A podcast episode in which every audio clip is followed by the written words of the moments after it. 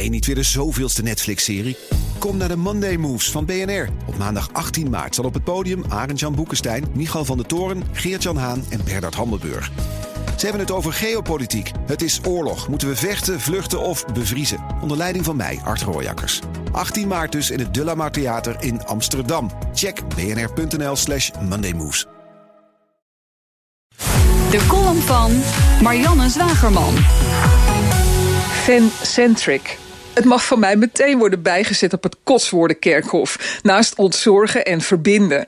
Van die woorden die je alleen nog wel eens op LinkedIn ziet opduiken... bij zo'n verkapte werkloze of een niet te genezen burn-out slachtoffer... dat nu life coach is.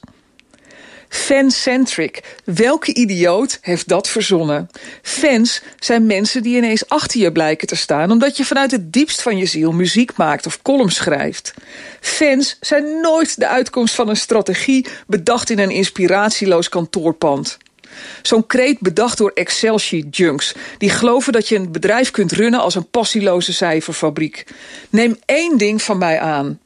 Je kunt een Excel-sheet onder een winnende strategie plakken. Maar er is nog nooit een winnende strategie uit een Excel-sheet voortgekomen. Maar goed, RTL gaat dus voortaan fancentric werken. Wat ze daarmee bedoelen is... we gaan niet langer dansen om de portemonnee van de adverteerder... maar om de portemonnee van de kijker.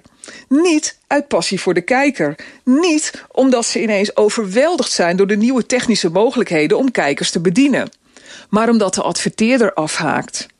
Dat is nooit een winnende drijfveer. Overigens is de richting niet zo heel erg nieuw. De vorige digitale baas van RTL Nederland, Arno Otto, verkondigde al een beetje hetzelfde in 2010. Maar toen klotste het geld van adverteerders nog tegen de plinten op bij omroepen. En dat maakt innoveren ook weer zo ingewikkeld. De vraag is natuurlijk hoeveel betaalde videoabonnementen de markt aan kan. Bij muziekstreaming maak je als concurrent van Spotify geen kans als je niet dezelfde uitgebreide muziekcatalogus biedt. En dan nog is het de vraag wat je daar bijvoorbeeld als Duke, de Spotify-uitdager van Talpa, tegenover kunt zetten. Bij video raakt het aanbod steeds meer versnipperd. Dus zal RTL killer content nodig hebben om het aantal abonnees omhoog te jagen. Qua catalogus en gebruiksvriendelijkheid kan nog geen enkele Nederlandse uitdager in de schaduw van Netflix staan. En het is de vraag of ze niet nog meer kostbare tijd verliezen door eerst allemaal zelf het wiel uit te vinden. Als de Nederlandse kijkfan echt centraal zou staan, staken de Nederlandse spelers de koppen eens goed bij elkaar in plaats van halfslachtig samenwerken in NL Ziet en ondertussen allemaal als klein duimpjes worstelen met Amerikaanse reuzen. En dat zei Marianne Zwageman in haar wekelijkse column. Die kunt u terugluisteren op bnr.nl en in de BNR-app. Je hebt aardig wat vermogen opgebouwd.